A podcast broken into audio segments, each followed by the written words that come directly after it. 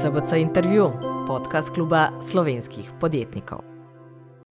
Ponovno pozdravljeni v podkastu SBC intervju. Moje ime je Katarina Matečič in bom vaša gostiteljica. Danes pa moj sogovornik Robert Čumi, eh, predsednik Komisije za preprečevanje korupcije, tema, seveda, preprečevanje korupcije, predvsem v pogledu oziroma v skladu s tem, da to soboto obeležujemo dan boja proti korupciji. Tako da lepo pozdravljeni in dobrodošli v našem studiu. Hvala, lepo pozdravljeni. Uh, kar se korupcije tiče, Slovenija ne blesti ravno. Eh, na tem indeksu zaznave korupcije v zadnjih letih padamo. Lansko leto smo bili, saj kar se tiče države, na zgodovinskem dnu in sicer na 41. mestu z 56 točkami. Zakaj padamo v zadnjih letih, kaj se v bistvu dogaja? Gre res za zaznavo, ne za dejansko merjenje, pa vendarle, zakaj tisti, ki ocenjujejo, menijo, da je vsako leto več korupcije pri nas? Ja, žal, žal v bistvu stagniramo oziroma padamo, dejstvo je, da čeprav je to percepcija ne, ljudi, je še, je še vedno pomembno, da resno pogledamo te podatke in se vprašamo, to, kot ste omenili, zakaj. Zdaj, jaz mislim, da samo z leta v leto je. Ni mogoče dobiti eh, pravega pogleda, da je pravi pokazatelj, če pogledamo neko 20-letno obdobje. Ne. In leta 2000 tri, če se ne motim, je v poročevalcu državnega zbora bila Slovenija skupaj z Estonijo označena kot korupcijsko najbolj odporna država v tem delu Evrope, se pravi srednje, pa gor vse do, do v bistvu Baltika. No, poglejte, danes je Estonija v družbi najbolj razvitih držav, v družbi Nemčije, Nizozemske, mi pa nismo, ne? v bistvu smo daleč eh, za njo, za Estonijo in treba se vprašati, zakaj. Zakaj v Sloveniji v 20 letih torej se ni uh, spremenilo uh, na bolje ali pa celo da ugotavljamo, da še gremo navzdol. In tudi drugi kazalci, ne? zdaj, če poslušamo z vidika uh, z področja gospodarstva, konkurenčnosti, konkurenčnost, no in pa davčna politika, pa tako naprej. Ravno tako uh, niso spodbudni za vlagatelje in zagotovo je vse med seboj povezano. No? In tudi um, glavni razlog, ki ga pač mi zaznavamo na komisiji, je zelo tesno povezan z družbeno-politično kulturo, predvsem politično kulturo, ne, kako se obnašajo, ko pride v bistvu na vrsto, da je treba spoštovati neodvisne institucije, samostojne organe, kot je KPK, ne, kako resno imati potem takšne ugotovitve, ki jih organ sprejme in ko so te pravnomočne, ko damo priporočila, kakšni so odzivi. Ljudje, ljudje to vidijo. In ko ni prevzemanja odgovornosti za uh, dejanja, dejanja svoje, tako takrat pravzaprav postane, uh, postane družba, ne, ne bom rekel, apatična, ne, ampak seveda zelo nezadovoljna. In če se to nabira, če v bistvu ni občutka, da se stvari spremenjajo, je zagotovo um, tudi to odraz v indeksu, ne, ki ga vsako leto uh, vidimo. In ne bodimo presenečeni, če bomo konec januarja naslednje leto še padli, oziroma da bomo stagnirali še naprej in nas bodo drugi, ki smo jih pregledali zviška ne samo dohiteli, ampak počasi začeli prehitevati. Mm. No, in to je frustrirajoče. To sem ravno želela vprašati. Eh, sploh zdaj od jeseni se zdi, da skoraj da ni tedna brez neke eh, nove afere. Začelo se je s tistim New Yorkom, pa potem razpis za nevladne organizacije, eh, že celo leto nekako spopad na ravni Globo Bobnar, pa Dars in tako naprej. Torej, menite, da bomo januarja, ko je objavljen nov indeks, eh, torej na slabšem kot 41. mestu? Jaz bom pozitivno presenečen, če bi mi slučajno napredovali, vesel bi bil. No? Ampak ne bom pa uh, presenečen, če ne bomo napredovali in če bomo padli. In tudi mislim, da moji sodelavci na komisiji ravno tako ne. Jaz ne bi tukaj samo letošnje leto dal ne, v, pod vprašaj. Poglejte, tukaj zagotovo ljudje pričakujejo tudi kakšno obsodbo na sodišču, tudi mi jo pričakujemo. Ne? Postopki so predolgi, na koncu statistika ne odraža tega stanja, uh, kot, uh, kot v bistvu mi ugotavljamo, da je po percepciji percepciji vse narobe. Če pogledate obsodilne sodbe oziroma dolgotrajnost postopkov, boste ugotovili, ne, da nekako številčno je zelo malo obsodb pravnomočnih za korupcijska kazniva dejanja. Mi recimo imamo statistiko višjo, ampak seveda mi ne preiskujemo kaznivih dejanj, ampak standarde, mi pa smo odgovorni za standarde v slovenski družbi, ne, ki pravzaprav pripričujejo korupcijo.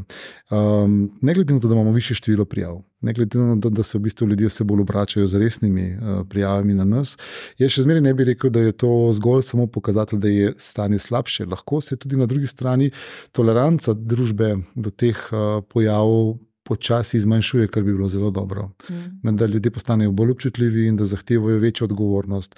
Tako da, recimo, da te afere, ne, ki ste jih omenili, zagotovo niso spodbudne. Prav je, da se jih naslovi. Komisija za preprečevanje korupcije vedno znova bo nadzirala vsakokratno oblast. Primerjava med prejšnjo vlado in to vlado je pa vsaj v tem, da ko mi naslovimo na to vlado neko priporočilo, neko ugotovitev, dobimo takšen ali drugačen odziv. Predhodna vlada se ni odzivala na naša priporočila, še celo več. V postopkih, ki smo jih vodili, in pa so bili ti pravnomočni, so se nam neredko posmehovali, mene pozivali, da res odstopim za njihove kršitve, in tako dalje. In tako, dalje. Tako da bi se ta odnos ne, eh, politike do neodvisnih državnih organov, ki smo v prvi vrsti tukaj zato, da krepimo pravno državo ne, in mi s preprečevanjem korupcije krepimo pravno državo, je zagotovo destruktiven, to ni stimulativen. In če v bistvu se vladajoči ne zavedajo, zakaj smo regulatorji v družbi, potem je to velik problem ne? in težko se primerjamo z razvitejšimi. To je en del odgovora, zagotovo. Um, omenili ste trenutno oblast, ravno trenutni premijer je pri vas v postopku. Uh, vi ste se izločili iz tega postopka. Drži. Zakaj? In pa tudi um, bilo je nekaj očitkov na to, da je trajalo toliko časa, da je KPK sploh uvedla preiskavo. Ja, zdaj izločil sem se, kot sem medijsko tudi pojasnil, ker sva bila z gospodom Bobnar sodelavca. Nisem si nikakor želel in seveda si ne želim, da bi padla senca dvoma na našo profesionalno delo. Zdaj, postopka res ne poznam vsebinsko in kot sem seznanjen tudi iz medijev, ko je v bistvu moj namestnik nastopil, oziroma ko je potem uh, medijski prostor povzel te vsebine, uh, nimam razloga, da ne bi verjel. Mojim sodelovcem, da je bil postopek dolgotrajnejši zaradi tega, ne, ker v bistvu se je um, sodelovalo z drugimi državnimi organi, materija je bila zahtevna in v bistvu nadaljna, nadaljna, uh, nadaljna preiskava oziroma postopek, ki pa poteka, sem pa prepričan, da tako kot v drugih primerih je po prvi vrsti zdaj odvisen tudi od odozivnosti. Obravnavanje osebe, Pletenika, ja, pa dokazovanja, pa v bistvu standardov, ki se morajo seveda izpolniti, da so vse procesne pravice zagotovljene. Tako da zagotovo jaz sem prepričan, da naši, uh, moji sodelavci, torej moja, naša komisija, nima nekega razloga, da bo zavlačevala, ne sploh pa ne, da bo nek timing prilagajala nekošnjim političnim potrebam. Lete, to je absurd, tega ne delamo. Res pa je, da nas pogosto hočejo potegniti kakšno uh -huh. takšno. Koliko časa pa recimo v takem primeru? Po uvedbi dejansko traja, da se stvar zaključi, če vzamemo neko povprečje. Torej, da vsi upleteni na nek povprečno hiter uh, način sodelujejo. Standard, ki smo si ga postavili, je, da bi se predhodni preizkus kot to pomeni, da ko dobimo prijavo, vidimo, da je nekaj na tem, da je nek sum izražen, da jo preverimo, to ne bi bil predhodni preizkus, torej v 3 do 6 mesecev. Nadaljna preiskava, potem še naslednjih max 6 mesecev, ki so lahko tudi zaslišanja ali pa pravzaprav izvedba kontradiktornosti na takšen in drugačen način z izvajanjem dokazov. Torej, skupaj leto dni ali recimo devet mesecev do enega leta, ko bi mogla biti večina primerov na komisiji zaključenih, potem je pa še podvrženo to uh, lahko preizkusu na upravnem sodišču, oziroma ko se vloži tožba za naše ugotovitve, kjer pa postopek zelo um, nedorečeno um, časovno uh, traja. Ne, Lahko in torej do sodišča ga ne morete še javno komunicirati. Ne samo povemo, da smo zaključili. Ne, potem, ne pa kakšna je bila ugotovitev. Da smo, da ne, lahko, ker se analogno, analogno se sklepa, da če, so, če, so vložen, če je vložena tožba na naše ugotovitve, da smo jih potrdili kršitev. Torej, da ste spoznali tako, človeka za krivega. Tako, ampak ne govorimo pa o vsebini te kršitve, ker je to korektno, dokler sodišče svoje ne pove. No, tam pa lahko postopek traja tudi dve leti ali več. Ampak praviloma zdaj te zadeve, ki smo jih imeli v zadnjih dveh letih, so se odvile na sodišču v dobrih šestih mesecih. Torej, nekako komisija svoje delo upravi do leta dni, kar je verjetno za javnost prepočasi, ampak če povem z drugimi besedami, še vedno smo najhitrejši organ, Deležni smo seveda največ kritike, ker smo tudi najbolj transparentni in odprti, največ pojasnjujemo svoje postopke. Če se primerjamo, to govorim s policijo, tožilstvom in sodstvom. Ampak na drugi strani pa um, bi si sami želeli, da bi šlo to lahko hitrejše, pa ne gre. Veste, ker zupovski postopki, oziroma vsi ti procesni, vsa procesna jamstva terajo svoj čas in je pravilno, da jih imamo. Kako bi pa bilo, če jih ne bi bilo? Ne? V bistvu nihče si ne želi. Verjetno bi bile enako ostre kritike, če nekdo ne bi imel dovolj časa oziroma možnosti odgovora in podobno. In to je bilo, to je bilo preteklosti, zaradi tega so rušili odločili komisijo, da niso se mogli opredeliti do ugotovitev komisije. In to je bilo obdobje pred približno desetimi leti. Točen ta argument so uporabljali. Če seveda zdaj špekuliramo in vi uh, predsednika vlade uh, spoznate za krivega obtožb. Kaj je najhujša sankcija, ki jo lahko izrečete v končni fazi, kot ste rekli, niste tožilstvo, niste sodišče, ste KPK? Kaj je tisto največ, kar se lahko nekomu pri vas zgodi?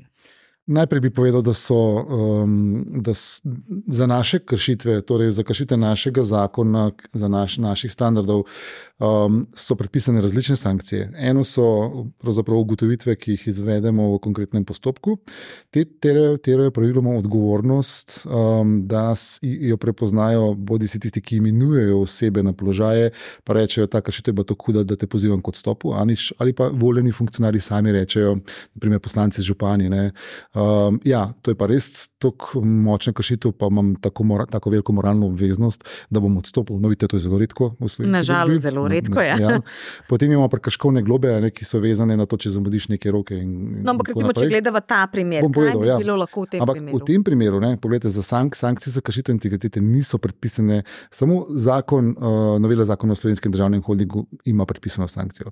Ampak kaj v bistvu je pričakovati, če je pravnomočna kršitev, da nekaj narediš, kar je hodo na robe, pa s tem kršiš integriteto, je na mestu tudi odstop.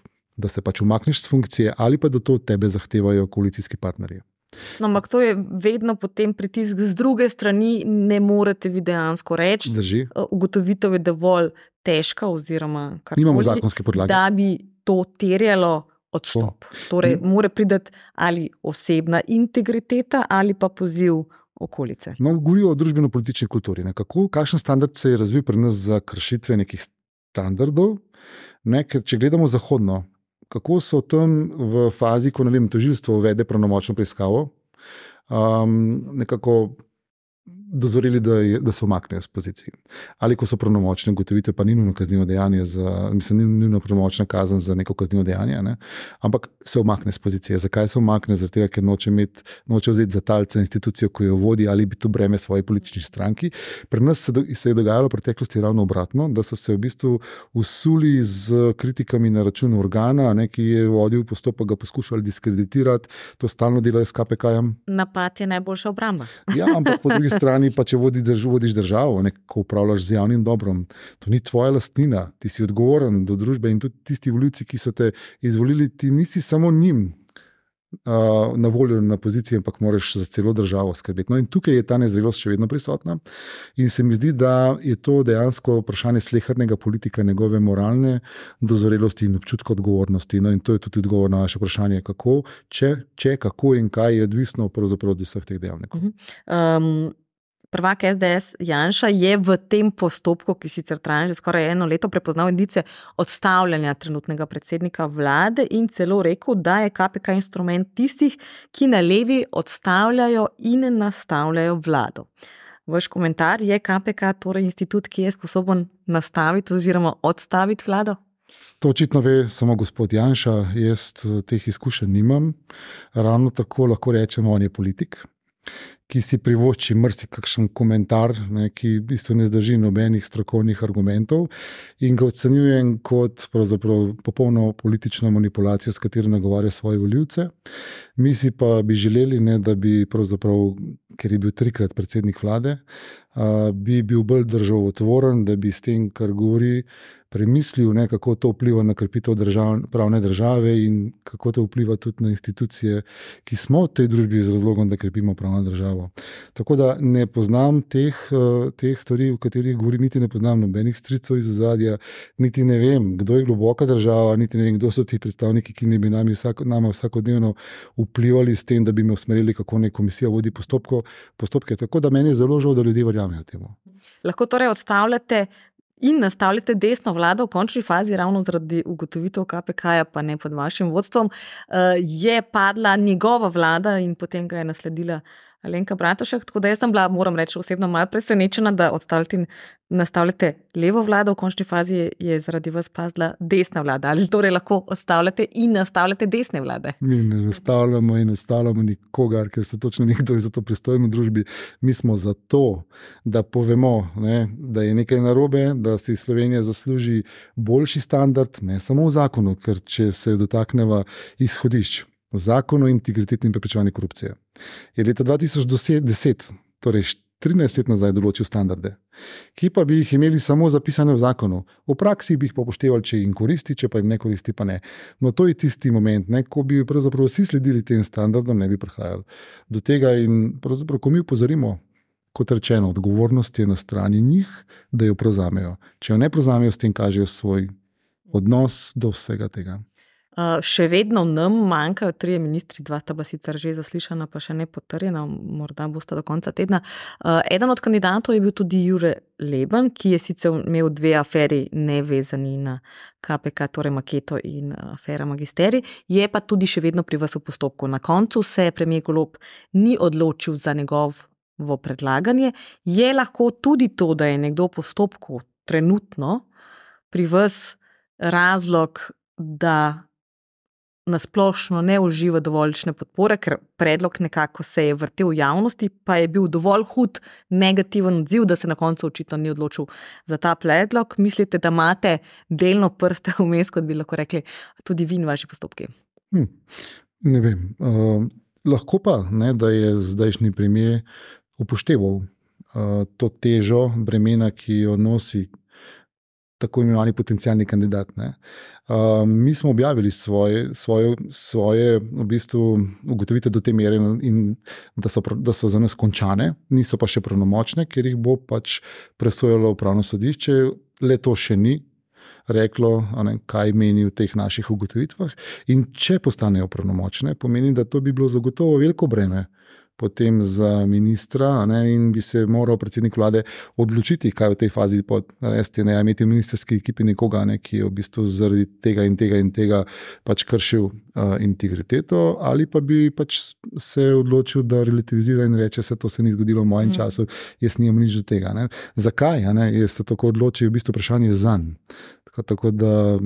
Ne vem, če pa, ne, seveda, bi javno rekel, da je to za njega tudi standard, bi s tem zagotovo pozitivno vplival ne, na postavljanje nekih standardov. Ker, če smem, mi si želimo, da bi te pravnomočne kršitve integritete, katerih je zdaj 24, postale standard ne, in da bi jih politiki, prvi vrsti, torej premije, upoštevali pri svojem ravnanju, odločanju in tudi, koga zberejo svojo ministersko ekipo.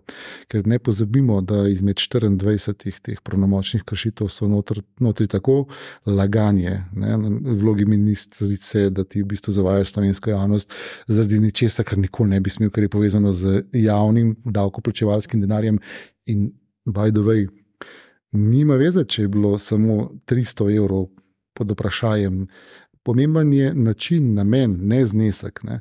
In Tako, in... uh, Nekoč smo postavili uh, mejo oziroma kriterij pri kraji sendviča za ne vem, 2 evra, pa se je potem hitro izkazalo, da je bil to enkratni primer, potem je šlo pa bistveno več stvari, hujših, dragi, bolj dragih, mem, brez nekih hujših uh, in večjih uh, ne, zapletov. In, no, in če, če smem, ne, pogledajte, še brezplačna kava katero sem jaz kot prispodobo uporabil leta 2020, mislim, da je bilo na odmevih.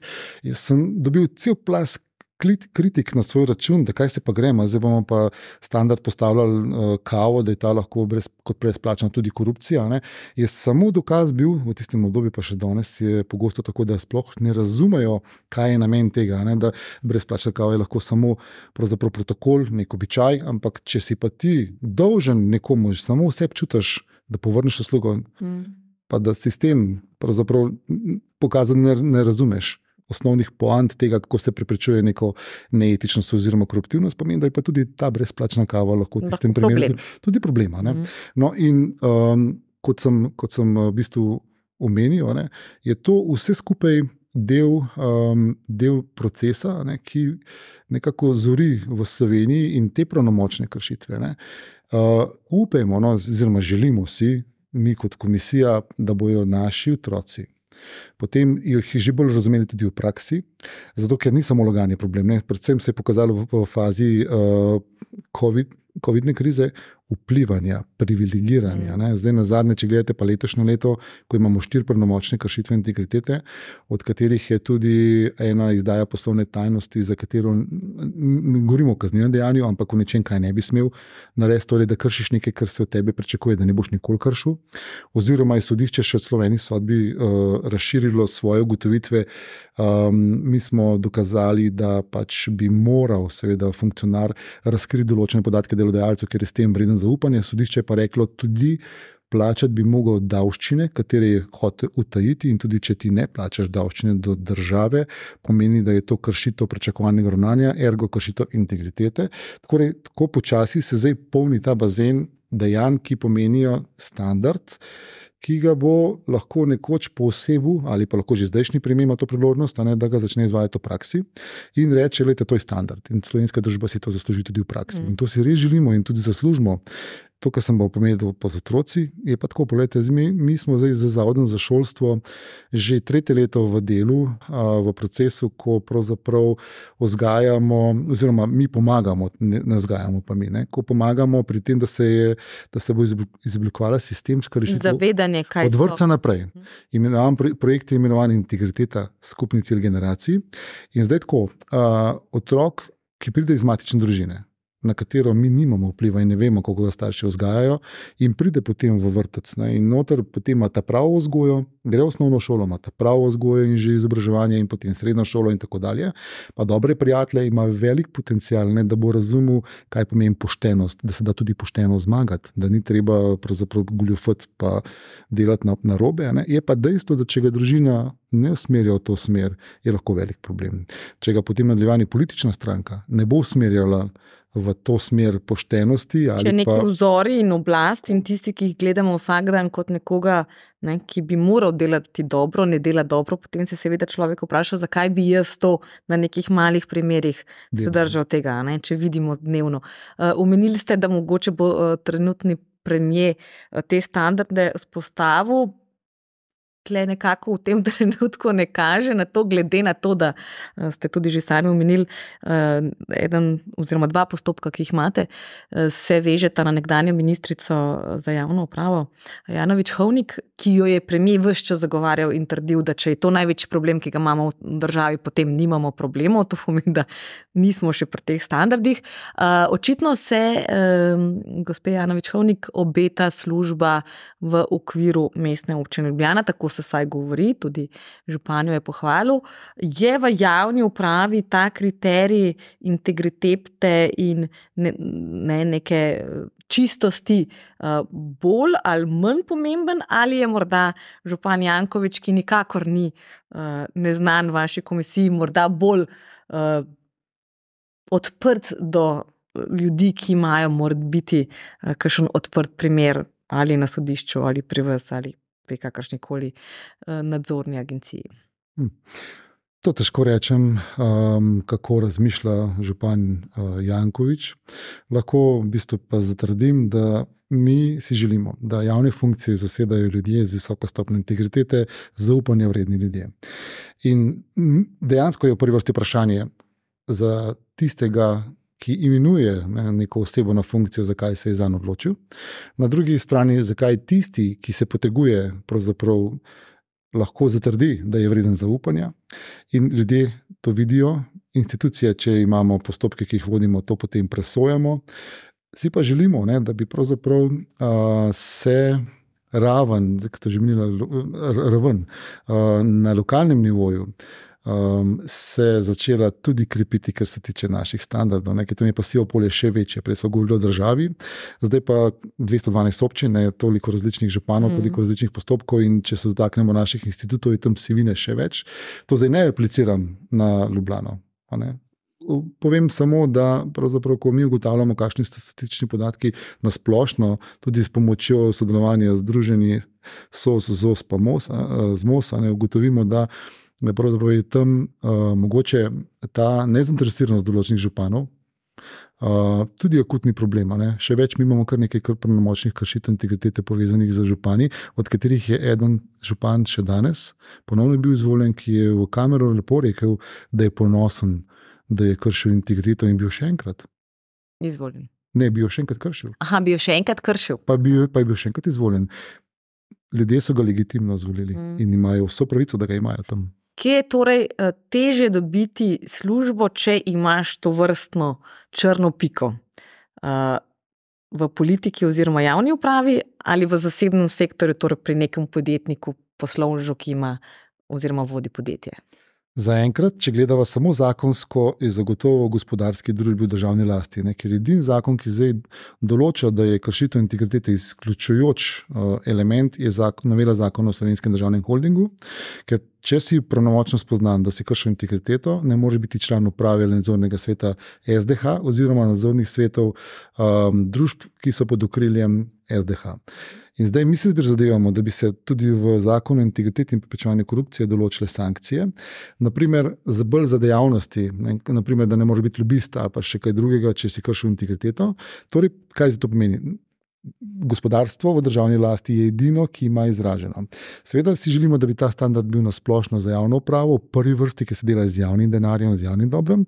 Ampak, ampak absolutno sem prepričan, da zaveščeni gospodarstveniki, ki delajo na mednarodnih trgih, se tega zelo zavedajo, ne, kako morajo oni z vlastnim zgledom garati, oziroma delati, kako morajo garati in z vlastnim zgledom stalno dokazovati, da so vredni zaupanja in to je in tudi del integritete. Mm.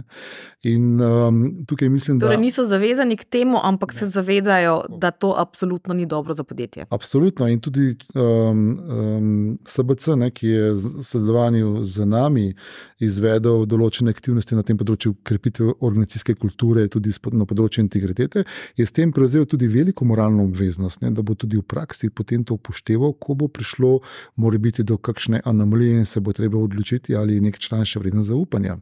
Torej, ni samo dobro sporočilo članom ali pa dobra, ne vem, PR-ovska poteza, je tudi odgovornost na drugi strani. Hkrati pa za mene, če bi bil jaz vlagatelj, to pomeni tudi prednost, uh, da se bom odločil za nekoga. Uh, ki bo ker imaš več upanja, da se bo Tako, nekaj res zgodilo. Ker se drži nekih standardov, oziroma se je s kodeksom ali s čimer koli zavezal, da bo spoštoval te standarde.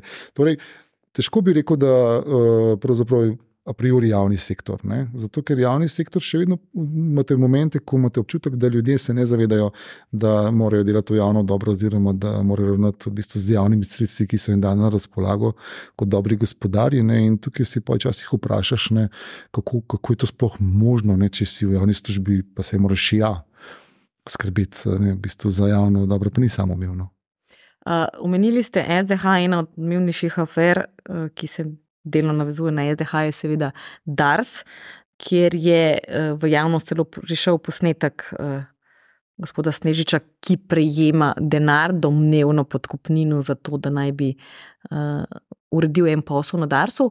Je za vas v takem postopku, s tem se seveda ukvarjajo vsi, ne samo vi, laže, ko vidite tak posnetek, je to dovolj težko dokazno breme, da lahko hitreje in lažje zaključite postopek, eh, ali se s tem v bistvu odpira več vprašanj, kot daje odgovorov, in, in je postopek morda še težji. Dva segmenta sta tukaj. Eden je, da sam posnetek um, je pravzaprav um, lahko relevant, relevanten v tem primeru zgolj za policijo, tožilstvo, sodstvo, ne, ker tukaj govorimo o sumu storitve kaznivega dejanja. Kar se pa nas tiče, ne, pa če gledamo um, prijavitelja, je pa, ukolikor pove nekaj, ne, kar je koristno za organe preiskovanja oziroma preprečevanja korupcije, tako kot, kot smo mi, je v prvi vrsti nepomembno. Ne, um, kakšen je njegov namen, ne, ko je to pač razgrnil v slovenski javnosti, oziroma zakaj je to storil. Čeprav si želimo, seveda, da so, sami, da so vsi pravitelji samo dobroverni, ampak je pomembno dejanje. Redko se to dogaja. Tako, ampak je pomembno dejanje, ne, dejanje, da se je to zgodilo, če se seveda dokaže, da se je zgodilo. Um, da se proba to procesirati, pa dokazati, pa prepričati tudi naprej. Tako da tukaj je dejansko, se, se tiče zaščite prijaviteljev, ne, je naša domena, vse ostale pa tukaj, v tem konkretnem primeru, je pa stvar policije, to že sta sodstva. Uh -huh. uh, kateri so še kakšni bolj odmevni, oziroma javno zanimivi primeri? Uh, Štiri so zdaj že omenila, ki jih v tem trenutku še vodite, in ali je morda kateri med njimi že tako daleč, da bi morda, verjetno ne letos, ampak kmalo v začetku prihodnega leta, dobili prve uh, rezultate. Hm. Mislim, da bo tudi leto že nekaj razgrnjenega. Um, lahko rečem, da mi ta trenutek vodimo več kot 350 uh, različnih primerov prijav, jih obravnavamo. Torej, uh, od tega je več kot 10 prednostnih zadev. Kaj pomeni prednostna, še nisem povedal. To pomeni, da za vse te največje um, javno odmevne primere smo. Um, sestavili tako imenovane time, ne, ki delajo nenehno in pravzaprav to pomeni ta prednostna obravnava, ker je ogromno v zadnji pridobivanje dokumentacije, usklajevanja, čakanja, neko ti organo nekaj pošlješ, da želiš, potem čakaš, da ti on pošlje nazaj in tako dalje. Zdaj, tisto, kar uh, lahko napovem, no, da bo dokaj k malu uh, pač, uh, objavljeno tudi v javnosti, so, če se spomnite, um, so, um, so bile obtožbe na račun uh, bivše ministerske ekipe, da so si nezakonito izplačali kompenzacijo za neizkoriščen dopust. Mhm. No, komisija je tukaj sprejela odločitve in izvedla ukrepe, uh, moramo pa samo še nekaj dni počakati, da bomo lahko o tem obvestili javnost, kako smo v tem primeru ravnali.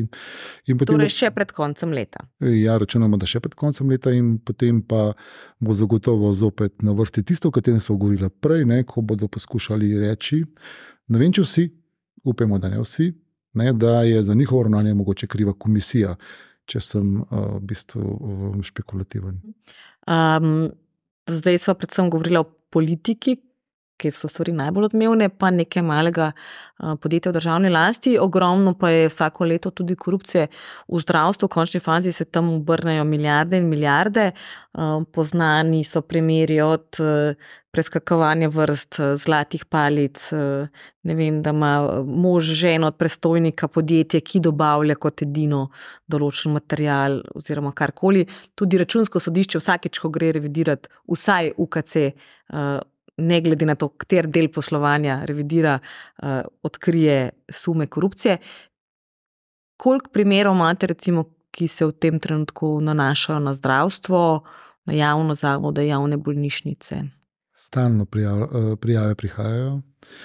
In mi smo uh, ravno iz tega naslova, ker to je. Um, družbeni uh, izziv, ne, z, torej tudi prioriteta organa kot je KPK, ne, da se poskuša pomagati rešiti javno zdravstvo in da vsak svojih pristojnosti naredimo, kar lahko, zato smo se odločili. Uh, sicer še, v, še takrat, uh, v času, ko je bil um, v vladi prisoten bivši minister za zdravje, ne, da bomo naredili tisto analizo ki smo jo naredili v zdravstvu z področja nabav medicinske opreme, medicinskih pripomočkov in tako dalje. In razgrnili smo v juliju mesecu uh, ugotovitve, predlagali potem um, ministrici, ministru in prejšnji teden zdajšnji ministrici, pa prejšnji ministr, no pa prejšnji teden tudi na strateškem svetu za zdravstvo, um, da te ukrepe, te priporočila, ki smo jih uh, izdali, upoštevajo pri pripravi zakonodaje, pri pripravljanju anomalij, za katere smo mi ugotovili, da so akutne, da so problem,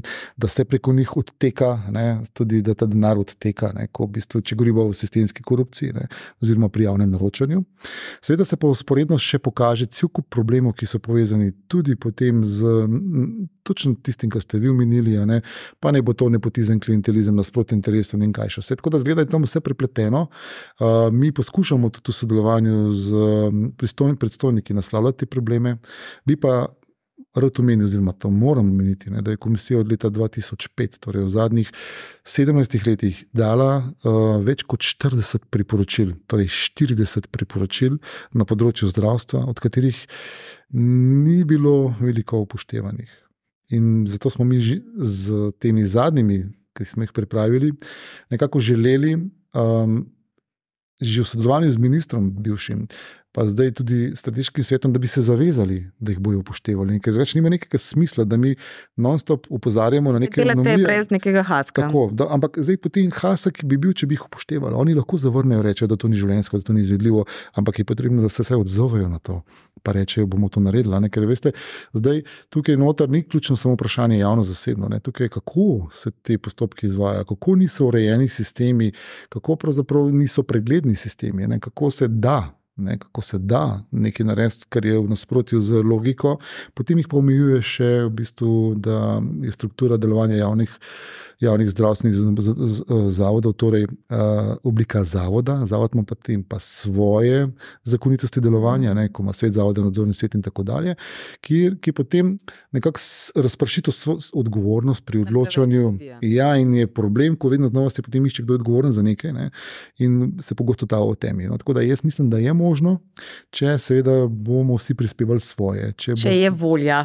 In če je vlada tista, tako tukaj pa je na potezi vlada, ki bo pravi čas pri, uh, predlagala prave uh, rešitve, na vkljub, sem pripričan, močnim interesom določenih um, skupin v ozadju, da se ne bi nič spremenilo. Ne, dejansko denar pa je pri tem. Ne, če pogledamo uh, spet podatek bivšega ministra za zdravje, ne, da se letno porabi 4 milijarde evrov za zdravstvo, kot tako iz proračuna, in je rekel, da je zraven še pol milijarde evrov. Stroškov za korupcijo je to alarmantno, to je ogromno. Ne, in če se malo zmanjša na ta račun, cela družba profitira. Um, ena ocena je, da se v Sloveniji zaradi korupcije letno izgubi 3,5 milijarde, zdaj ste omenili zdravstvo, pol milijarde. Na kakšne načine torej ta denar odteka in kam, oziroma kako ste prišli do neke te ocene 3,5 milijarde? Te 3,5 milijarde je podatek, uh, ki so ga uh, izračunali. Evropski zeleni, to je pač e, politika znotraj Evropskega parlamenta v obdobju 2016-2018, ko so nekako ocenili, to je že zam za zgrobo oceno in nekako za relevantne uh mhm. -huh. dejanske podatke. No, težko je vredno meriti, koliko ja. denarja zdaj zaradi korupcije teče, ker če bi vedeli, potem bi bilo tudi korupcija. Lažje bi bilo, ne? ampak to so samo ocene. Ne? Kot percepcija pri indeksu je tukaj tudi v bistvu nekako ocena, da se na letni ravni tisoč um, milijard zgubi na ravni celega EU-ja. Ker ima Slovenija v, bistvu v tem deležu tisoč svojih 0,35, tako je prišlo do, te, do teh um, v bistvu 3,5 milijarde. Ne? In te 3,5 milijarde je bilo vezano potem, seveda, um, tudi na odstotek v proračunu, ki, danes, ki, ima, ki ima Slovenija že pač višji BDP, no, pravzaprav na bruto družbeni proizvod. Ne, ta, torej, tudi ta številka mora biti višja, ampak je zelo neopremljiva. Mm. Ne? Mi lahko samo rečemo sledeče: da zagotovo stane korupcija, da zagotovo v bistvu zaradi tega imamo slabše socialne transfere, torej nižje, nižje pokojnine imajo ljudje, sla, više se plačujejo vrtci, ceste so slabše, potem študentskih domov, pa za tiste mlade družine, ki bi rabile. Manj prihodkov, proračun in seveda potem tudi vse, manj odhodkov. Vse je povezano, ne? ker tukaj notri ne moremo reči, da korupcija priznane samo eno kategorijo ljudi. Če priznane državni proračun, ki pa je seveda najbolj uh, mamljiv, ne? da se pač izpelje. Upajmo, da tisti, ki dobijo ta denar, več trošijo, pa vsaj na nek način čez DDV ali pa čez nekaj, pride nazaj noter. Če v Hecu dvor vrnem, nisem pripričan, da ga trošijo v Sloveniji. Verjetno je ta denar, ki je druge. Radi pelejo drugem. Ne? In tukaj tudi, veste, zdaj zelo na mestu vprašanje, kdo podkupuje javne službence. To gotovo ne javni službenci sami. Tisk ima kapitalski interes, ki ima denar, da lahko to naredi. In zato tukaj je zelo pomembna zaveza gospodarstva, saj dela gospodarstva. Ne, ko smo v bistvu, v bistvu mi v septembru simbolično nagovorili, pa seveda z resnostjo ne, članov v bistvu SBC, vseh po vrsti, da um, ne bo ne bodo v bistvu podkupovali slovenskih javnih uslužbencev s podarkom na javnem naročanju. In to se tiče tudi zdravstva. In če se to dejansko v praksi začne počasi uresničevati, in da se več in več in več ljudi zaveže k temu, potem je to neko upanje, ampak to je iluzorno pričakovati, da bo čez noč. Oni lahko meni govorijo, da sem jaz utopist, da sem idealist, ki v bistvu govorim o nečem, kar ni v realnosti izvedljivo, pa nimajo prav, pa vam bom povedal, zakaj ne. Vete, zelo radi se mi pogledamo v Skandinavijo, kako so tam uspešno postavili eh, standarde, za katerimi pravimo, da so v, bistvu več v praksi neuresničljivi, v zakonu so pa zelo dobri. Ampak tudi oni so bili vikingi. Vsi vemo, kaj so vikingi počeli, ampak so se kot družba odločili, da bodo drugače živeli. Enako zagotovo tudi v Estoniji, ki so bili Balti, bolj, bolj v bistvu socialistični, ne, kot pa seveda. Mi. Ja, in mi, pogledajte, zdaj rečemo, da pri nas pa ni sprememb zaradi takih in drugačnih, očitno jih nočemo. To je odgovorno vprašanje. In vse posod je korupcija prisotna, tudi v Skandinaviji, tudi v Zahodnji Evropi in vse posod v svetu, ampak je drugače naslavljajo. Odgovornost je večja, mm. ne čakajo, ne branijo se, ne v bistvu skrivajo in ne bežijo pred, pred tem, ali pa spoh, ne, spoh pa ne, da bi se šli diskvalifikacijo nekih organov. No, to je rečemo zapleten uh, krok, ki po 20 letih kaže situacijo, kakršna je. In če danes poslušamo najhujše kritike, bodo rekli, da bo Slovenija šla še samo na slabše, tudi s konkurenčnostjo gospodarstva in kaj še vse. In to je vse povezano. Tle se nekako dotaknemo tudi uh, lobistov, ker imamo pri nas zelo nedodelan in uh, ne prav zelo jasen sistem. Imamo sicer pri vas, se lahko upišeš ne, na seznam lobistov. Vemo, da je bila tja upisana tudi zdajšnja partnerka premijeja, hkrati pa na tem seznamu ni ogromno ljudi, ki dejansko lobirajo. Sploh na lokalni ravni se menda lobira na tedenski bazi. Um, kako se da to urediti? Je kakšen nov predlog zakonodajnih sprememb oziroma česar koli, da bi se bistveno bolj jasno vedlo, kaj pomeni, da je lobist, da se prijavljajo stiki na eni in na drugi strani, kot ste prej rekli, javni uslužbenec. Pač sprejme denar, ne? ampak damo ga nekdo, ki ga ima. Um, bi se dalo to bolj urediti na ta način, torej, vsaj delno omejiti korupcijo, tako na državni, kot seveda na lokalni ravni. Zagotovo. Omenili ste mogoče najprej to lokalno raven. Statistični podatki, ki jih mi dobimo, kažejo, da na lokalni ravni skoraj ni lobiranja. Dejstvo je, kot pravite sami, da to ni res, torej se ne prijavljajo. Kar je zelo zgovorno, je sledeče, da od vseh registriranih uh, stikov, ki jih mi prejmemo, lansko leto, da če na pamet, mislim, da jih rečem, jih je bilo okrog 3600, ne, je bil samo en procent stikov, za katere so prijavili, torej en procent od tega je bil delež stikov, ki so jih prijavili registrirani lobisti. Torej, 99% naredijo neregistrirani, torej, to so izjeme. Izjeme so torej pravilo v Sloveniji, to je prva zadeva, ki jo treba odpraviti in spremeniti. Leto nazaj sem poslušal razpravo v državnem zboru oziroma svetu, ko je predstavnik iz Nemčije razlagal, da oni so izjeme odpravili logično se jih je treba postaviti jasne standarde za lobista. To sploh lahko je lobist, in če se prijavi stik, torej pomeni, da se mora prijaviti tudi kot Tako. lobist. In brez izjem in določiti standarde, kdo je sploh lobist in ni lobist. In mi podpiramo pobudo Združenja za zakonito lobiranje, ne, ki se zauzema za to, da bi se uvedle tako imenovane licence, da bi se postavili standardi, zdaj, če bojo ustanovili svojo zbornico ali ne bojo, ne vem. Ampak zagotovo osebnostna primernost je tudi en od kriterijev, ne, za katero bi lahko rekli, da če si posameznik, ki si pravnomočen močno kršil integriteto, oziroma nisi osebnostno primeren, ne moreš biti lobista, ne? pri nas pa si lahko. Samo ne smeš biti pravnomočno obsojen na kaznivo dejanje, moraš biti v bistvu poslovno sposoben, potem ne smeš biti zaposlen v javnem sektorju in še nekaj kriterijev izpolniš, in potem te mora KPK po defaultu upisati v seznam registriranih lobistov, ki pa še mislim, da nikoli ni presegel številko 85. Se pravi, to je nekakšna številka 80 do 85, kjer se število giblje stalno. In pogledajte, to je škoda. Zakaj je škoda? Ne? Ker lobiranje s tem nismo ga pravzaprav um, postavili v zelo negativen kontekst v slovenski družbi. Ima zelo negativno konotacijo. Zelo. Lobiranje pomeni nekaj slabega, čeprav vedno ni. Ne? Tako, če nekomu reče, da je, če reče, da je lobist, tako je v bistvu v zadju, občutek, da nekaj. Ne, v bistvu... Verjetno tudi zaradi ljudi, ki so bili nekoč lobisti, registrirani lobisti. Ja, mogoče, vedete, pa smo spet pri slovenski kulturi. Ne? Če gledamo Evropski parlament, tam je, kot sem seznanjen, cel kup registriranih lobistov, ki so dnevno prisotni in poskušajo vplivati. In je to popolnoma demokratičen proces in je sprejet kot, in je razumljen kot legitimna mm. dejavnost. Zdaj, če ti delaš to transparentno, če ti v bistvu to speleš vse na transparenten način, je to popolnoma. Da mora tudi prijavljati uh, pogodbe, ne? s kom imajo, za koga delajo. Drži in mora biti popolnoma transparenten. Zakaj ne? Bi da se ve, za koga lobira, pri komu in zakaj. Če se koliko zaslužiš, ja, to je to, prihodke in vse. Zakaj bi to pri nas skrivali, ne? oziroma zakaj pri nas? Okay, recimo tako, 2010 je bil dober namen, naredil se je pač zakon, sprejel se je zakon, um, potem se je pa do, določila izjema ta izjema je povzročila problem. Ne, ko so začeli ljudje na podlagi izjem lobirati. Ali pa bodiva iskrena. Ogromno stikov v bistvu se spele tako, da nihče za njih ne ve. Če jih pa slučajno ugotovijo, pa povejo, da so pozabili prijaviti. Uh, katera organizacija, uh, organ oziroma ministrstvo pa običajno prijavi največ stikov? Zdaj, um, ministrstvo za zdravje, državni zbor, no, tam, kjer je pravzaprav tudi zakonodaja, ki nastaja, ne, pa spet potem čisto odločitev posameznega ministra oziroma njegove ekipe, kako vestno si želi te stike prijavljati. Zdaj, eno je tudi, da če so. Uh, en kriterij, ne more biti kumulativno spomnjeni kriterij, da ti lahko sploh govoriš o lobiranju, je tudi, da pač je um, zadeva ni transparentna. Zdaj, če si transparenten na svoji spletni strani, vse razgrneš, s kom si imel sestanke in tako dalje, že v bistvu odpravaš enega od pogojev. Mm. Razen, seveda, če nekdo pride te reče, jaz pa želim, da se zakonodaja napiše tako, pa tako, pa tako, ker to koristi temu pa temu. To je lobiranje. Ne? In takrat mm.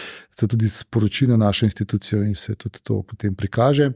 Um, mi smo doskrat deležni vprašanj novinarjev kako pa tem, pa tem primeru, ali je bil zabeležen stik, ne, ko pridejo do podatkov, da je vem, predstavnik vlade, pa nek, nek predstavnik kapitala se nekaj srečal z tega in tega. Da, zelo težko je v bistvu karkoli potem delaš naprej, ker nimaš podatkov o tem, ne, vsaka stran svoje pove, pa še nekaj je zelo v bistvu paradoksalno. Ne, v lobisti um, poročajo enkrat letno.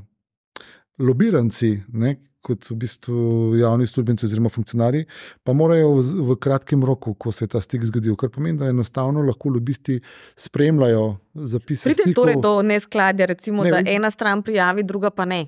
Ja, Ampak se potem, zdaj, ko so se očitno naučili, vidijo ne, in pogledajo, čekirajo in lahko prijavijo samo tiste stike, ki so že tam prijavljeni. Ha, so vidni takoj. Ja, ja so, pri nas nas jih lahko pogledate. Ne, tisti, ki so verificirani, so vidni. Ne. In to je, to je tudi problema, ne, zato ker jim polagamo. Morali bi jih skriti vsaj za en mesec, ko je ta tudi drugi zavezan k temu in bi Ma... mogli skrajšati čas. Ne, tako da imajo vsi recimo en Absolutno. mesec časa in se ne vidijo med sabo, pa da vidimo, kolikrat se te škarje. Uh, poklopijo in koliko grejo zelo naravno. Se zauzemamo za to, da se ta stvar spremeni, pa to ni edini institut, ki potrebuje prenove, nezdružljivost funkcije, mm. nasprotje interesov, omejitve poslovanja, potem imamo integriteto, upoštevanje naših priporočil in kar vidite, kar nekaj teh institutov. Uh, bi pa rad omenil, da je se pokazalo v zadnjem obdobju, ne se pravi dveh let, da so se naši um, politiki izmojstrili v iskanju obvodov, ali pa če rečem, tudi funkcionarji oziroma osebe na položajih, kar pomeni, da zelo radi rečejo, zadostili smo zakonskim pogojem, upoštevali smo zakon, ampak hkrati pa niso upoštevali namena zakona, poiskali so obvod mm. in prišli do cilja po zakoniti, ampak nelegitimni poti, oziroma še več za svojo skupino, katero zastopajo, oziroma zase sem pripričan, da so tudi legitimni. No, in to je tudi rak rana slovenske družbe, ne, ko pravzaprav ti želiš biti pametnejši od države, ne, ko ti moraš poiskati način, kako boš državo prenesel na okolje. No, tukaj na tem mestu, če dovolite, sem se pogovarjal z enim od vaših članov, to je bil gospod Krapovič, s katerim sem točno to govoril, da je on v bistvu uporabil besedo nadmudriti. Ne? In ja, res je, ne? očitno smo. Kulturno gledano, mene to zanima, zakaj ste vi tako, kot je. Ne? Se še, vedno, uh, se še vedno radi obnašamo tako, da radi nadmudrimo državo, pa ne bo to plačilo davkov, ne bo to eno ali drugo. Ne, še v fazi imamo diplom magisterijev, malo more, za katere se kaže, da niso uh, legitimni, celo srednje šole. Nekateri. Ali pa pozivi, kako se lahko tvoj denar davčno optimizira. optimizira ne, vse to pomeni, da celo splakati. Tako vse to kaže v neko nadmudrenje. Ne. No, Nažalost, ne, dokler mi imamo presegli tega, da imamo samo eno državo, da je to v bistvu naša država, da moramo za njo skrbeti kot dobri gospodari, toliko časa ne bo tega zasukal. Mm. Toliko časa bomo eni govorili, drugi bojo pa se smejali. Se je pa vzpostavil zdaj ta sistem žvižgačev, sicer za mala podjetja imajo še nekaj malega, par dni še časa, da to vzpostavijo, medtem ko večja, kjer naj bi bilo tudi več eh, Do 240 je ja, do 17. decembra. Do 17. decembra. Uh, je že kakšna prijava prišla iz tega novega sistema? Podjetja opažajo, da je žvižgačem lažje tako dostop do prijave, zaščita žvižgača in vse, kar sledi potem. Uh, je sistem v tem slabem letu zaživel, daje kakšne rezultate? Zdaj je prezgodaj govoriti za to, zato ker zdaj je faza še, kot ste omenili, ne vzpostavljanja sistema. Zdaj, mi bomo naslednje leto dobili prve uh, statistične podatke od zaveznicov. Nekako se ocenjuje, da je približno 3000 institucij, vključno s privatnim sektorjem, ne bi so takih, ki nam bodo morali poročati. Zdaj, da so dobili nekaj, niso dobili, koliko jih bo tega poročali, ne vem. Uh, mi bomo še vedno sledili um, še vedno bomo imeli neko prehodno obdobje, recimo vsaj polovico naslednjega leta, ko bomo opozarjali, v primeru, da se ugotovi, da nekdo ni vzpostavil teh poti. Mm. Bi pa tukaj povedal, zelo je pomembno, uh, da se zavedamo, a, da je zakon po standardih zelo dobro napisan, ker nudi dobre ukrepe, uh, ki lahko pomagajo prijaviteljem, da so zaščiteni. B, ne, je pa uh, pravzaprav najbolj pomembno, kako se bo pa izvajal v praksi. In C, dobro napisan zakon ni še nikoli ničesar rešil, ja, če v praksi seveda ne zaživi. Ja, in tisto C, kar je najbolj točno. Ljudje, ki so zreli, ki v bistvu vedo, kaj pomeni preživeti na trgu, če govorimo o privatnem sektorju, ali pa tudi, da so zreli voditelji v, držav, v državi, se pravi države, javno uprave, um, bodo zelo poskrbeli za to, da bodo tiste informacije, ki so pomembne, prišle do njih. To tudi od dobronamernih prijaviteljev, ki želijo dobro, ker pravzaprav vedo, da če znotraj stvari rešijo, najprej sami, ne, ko ugotovijo anomalije, ki lahko škodujejo ugledu institucije mm. ali podjetja oziroma organizacije, so zlatega denarja vredne in bodo to podpirali, bodo vzpostavili mm. sistem in bodo želeli, da se znotraj stvari zaščistijo. In to je namen tega zakona, da pa se potem ne izvaja poročilni ukrepi, kar je pa nažalost ne, povezano tudi s tem, ko se spodbuja tudi um, v javnosti določene, določene skupine ljudi, da so to vse v duhi, ki pravzaprav bojo zdaj uh, pač vrnili državo v, v društvo. Lete, to je zopet politično uh, natocevanje, pa manipuliranje. Sploh ne vedo, kako škodijo. S tem ljudem, ne, ki želijo nekaj dobrega uh, za slovensko družbo, ko želijo upozoriti na neko anomalijo. Torej, Vse, kar govorijo danes, je povezano z moralno dozorelostjo, mm. visoko stopnjo integritete in transparentnostjo, pa občutkom odgovornosti, ki ga imaš, ko nekaj delaš. A si ti direktor firme oziroma lastnik firme, a si pač predstojnik organa, ki ga vodiš znotraj države, imaš neko odgovornost. Mm. Ampak vseeno, kdaj pa kdaj samo neka moralna odgovornost in osebno zavedanje ni dovolj, rabimo seveda tudi pravila in zakone. In za KPK se veliko krat reče, da je brez zobi tiger, prej smo že govorili o, o sankcijah, kaznih. Um, in tudi smo že omenili, verjetno največji uspeh. Verjetno nasprotna stran ne bi tega tako mislila. Je bil takrat padec Janševe vlade, ko je KPK ugotovil neskladnost prijavljenega premoženja tako gospoda Jankoviča kot uh, gospoda Janše. Uh, so na vidiku kakšne zakonodajne spremembe, ki vam bi dale večjo moč in še dodatno težo, torej da ne bi bilo samo na posamezniku, da je dovolj moralen in odgovoren, da sprejme kazen in reče: bom odstopil, recimo, zdaj se je dvakrat zgodil, uh, da sta ne, vidnejša predstavnika državne uprave eh, vozila pod vplivom alkohola in takoj tudi odstopila, kar je pri nas redkost, tako da se jih je celo hvalilo. Poglej, kako zelo ne, eh, so, so um, dobri. Pri nas to, nažalost, ni praksa, se da to z nekim zakonsko spremembo eh, narediti, oziroma je kaj takega sploh na vidiku? Ali so delo policije, tožilstva in sodstva dovolj, da vi ne rabite takih pristojnosti in moči? Mi nismo policija in ne rabimo policijskih pooblastil. Je pa nujno, ne, da se uh, zavemo, da so standardi, za katere smo pristojni, ravno tako del slovenske družbe in jih je treba v praksi živeti. Torej, tisti, o katerih smo govorili, na podlagi katerih potem uživaš zaupanje na funkcije, ne torej, če imaš visoko stopnjo integritete, si odgovoren, transparenten in pa da prevzameš odgovornost, kako je to potrebno. Tako da jaz, če pogledamo 20-letnico, 20 let bo drugo leto, ko je KPK ko bo KPK prisotna v slovenskem prostoru, stalno pod ukinjanjem vseh tistih, ki jih v bistvu KPK obravnava, ne bi um, um, se hvalil s tem dosežkom ne, odstopa bivšega premijeja oziroma župana, ki sta nažalost, oziroma te dva postopka sta oba potem procesno najprej padla, potem, ko je bil proces obnovljen po drugih kotelah, to je tista kontradiktornost izvajanja dokazov, je bila zadeva pravnomočna, nikogar več ni zanimalo. Vmes so bili tudi drugi primeri, ki so bili v postopku, lansko leto je bil pretekli primer tudi pravnomočno obravnavan, ampak veste, odgovornosti ni bilo več take. Ne? In zdaj so začeli določeni mediji primerjati to, kar se izvaja zoper v bistvu zdajšnjega primera situacijo izpred desetih let. Jaz tega res ne bi primerjal. Je pa dejstvo, ne, da največji dosežki štejejo, so, največji, največji dosežki so tisti, ki bodo vplivali na to, da se bo spremenila kultura v slovenskem prostoru, to je preko vzgoje in izobraževanja, od vrtca naprej. Zdaj um, prihaja nov projekt ambasadorja integritete, neko bojo javne osebnosti prepoznane, nagovarjale tudi mlade. To so dosežki, ki štejejo, resolucija tudi v bistvu šteje. Zdaj, tukaj, kaj bi pa bilo potrebno, je pa sledeče. Ne? Ko se mi družbeno poenotimo, se pravi, družbeno-politični konsens, da želimo vsi izplavati iz te sivine, če želite, ali pa vem, situacije, kakršni smo na področju preprečevanja korupcije, torej vsak prispeva svoj delež. To nagovarja tudi nov osnutek nove resolucije.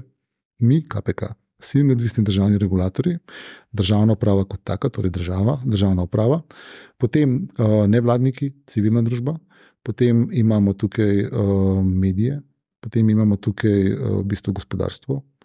Glede, vsi skupaj, vsak svoj delež prispevati in reči, želimo drugače ko se da, pa potem imamo pa pr parlament, ki se vsega tega ven, ki mora pa odločati in reči: ne, gledajte, ta zakonodaja, ki jo imamo, je pravzaprav potrebna prenove in resolucijo želimo sprejeti, ki pa temelji na tem in tem in tem.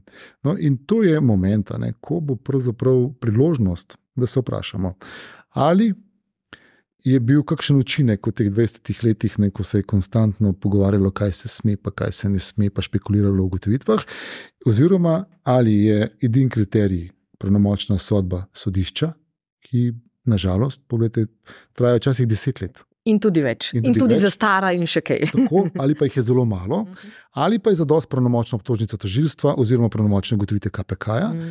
in kakšna je za to sankcija, in potem se treba tega držati. Zdaj, če ni dovolj moralna dozrelost predsednika vlade, potem je treba to reči, da ne to zapiše kot standard.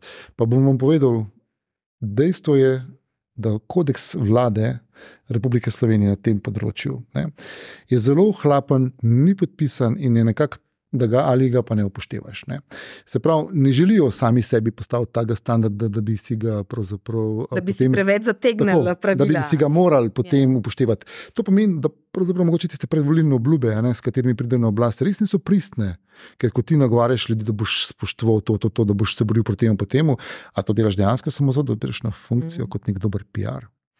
Eh, da končamo v bistvu tam, kjer smo začeli. Eh, glede na to, da ta indeks meri zaznavanje korupcije in tukaj padamo, pomeni, da nekdo pri nas zaznava korupcijo.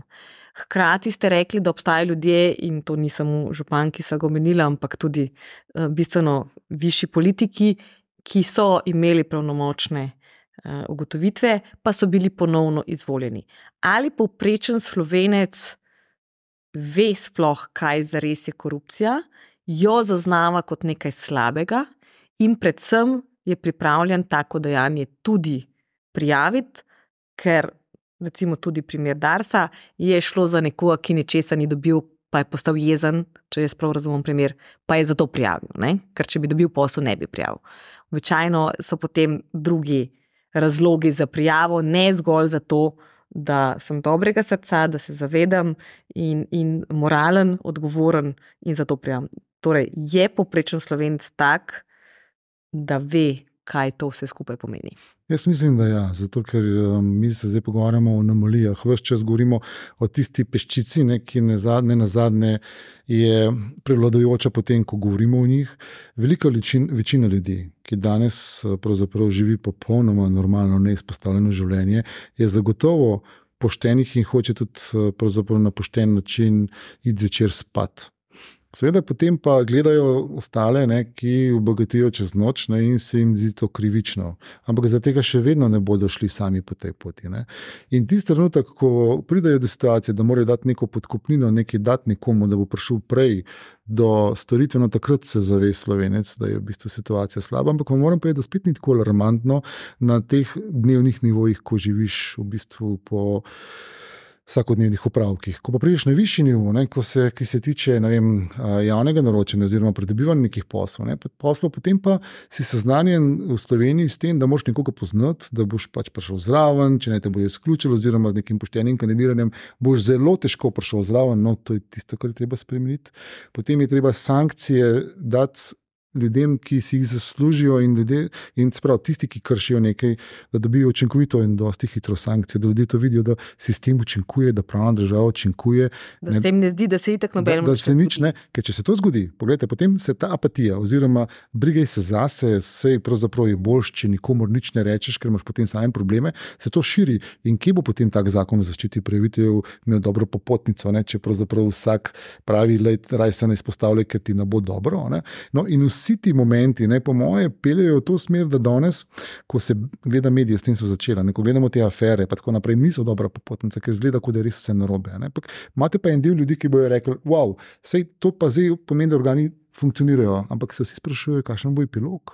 Vsi čakajo, kaj bo na koncu. Ne, Vedno je bo- velika zgodba, vsi poročajo, Tako. vsi govorijo o tem, potem pa ponikne in nekako vsi pozabijo, da se je stvar sploh zgodila. In kakšna je odgovornost? Ne? In ko vidiš, da eni isti ljudje potem prihajajo nazaj in so na pozicijah, ne glede na to, kaj se je zoper njih zgodilo, in se ti smejijo, ko rečejo, oh, kaj pa je to, ne, se v bistvu, kaj pa je ta organ, ki to, ki to rečemo, kaj pa, pa to se pač on neke načelne mnenja izvaja, pa govorijo neresnice, pa to vedo, da jih govorijo. Ampak potem imaš občutek, imajo ljudje lahko upravičen občutek, ne, da se itek. Eno in isto se dogaja, ali kaj koli prispevam ali ne prispevam. Tako da jaz spodbujam, ne, se tudi moja vloga je v tem, vloga KPK je tudi v tem. Ne. Mi spodbujamo ne samo mlade, ne, tudi v bistvu, da, da svojim delovanjem v bodoče si ustvarijo nek boljši, ne, boljše izhodišče. Ampak da tudi mi, ki smo na pozicijah danes, prispevamo na maksimum, pa vsak od nas pač ima to vlogo. Vete, zakaj bi moral uh, mižati, pa gledati stran, če je nekaj narobe? Je pa res, je pa res, to je tudi v bistvu moja zaključna misel, um, da je ključno, da se vprašaš, ne, komu boš lojalen, svoji integriteti, moralni vesti, s katero si zrastel. Iz družine naprej, poletje, zagotovo vzgoja slovenskih družin je primarno dobra, je večina dobrih. Ali pa boš v bistvu raj lojalen tisti mehki skupini, ne, ki dela na robe, v bistvu oportunist, bolj kot pa lojalen, bolj boš oportunist do njih. Zato, ker, ker nočeš si nakopati nekih težav in boš pogledal stran. No, in če si lojalen do lastne integritete, se, pa da si tako pokončen, da se boš tudi izpostavil, takrat se ljudje potem tudi pogumijo. Govorijo o dobro namernih, ne o tistih, ki nekaj izpadejo iz neke Mm. zgodbe. Vrne. Z neke enačbe. Uh, končeva torej s pozitivno noto in z upanjem, da uh, je še vedno večina slovencev poštenih, Jaz sem pripričan. uh, se zavedajo, kaj korupcija je in jo bodo tudi vedno bolj prijavljali, in da tudi morda ta nova generacija, ki je recimo tudi okoljsko bolj osveščena, uh, ne, bolj se zaveda, kaj pomeni protičas, delo, delo in podobno, morda tudi bolj se zaveda, kaj korupcija je. Tako da končajva s to neko pozitivno noto, da ne bo vse tako zelo uh, negativno v končni fazi. Uh, Se v soboto praznuje dan boja proti korupciji. Hvala lepa za vaš čas, hvala lepa za to, da ste bili uh, gost v našem studiu in pa seveda čim manj prijav in uh, čim več hitro končanih postopkov, ne glede na to, ali se končajo z neko obsodbo ali z oprostitvijo. Hvala za povabilo in vse dobro zdaj vam. To je bil še en SBC eh, podcast intervju, vabljeni k ogledu oziroma poslušanju in pa seveda do naslednjič vse dobro. SBC intervju, podcast kluba slovenskih podjetnikov.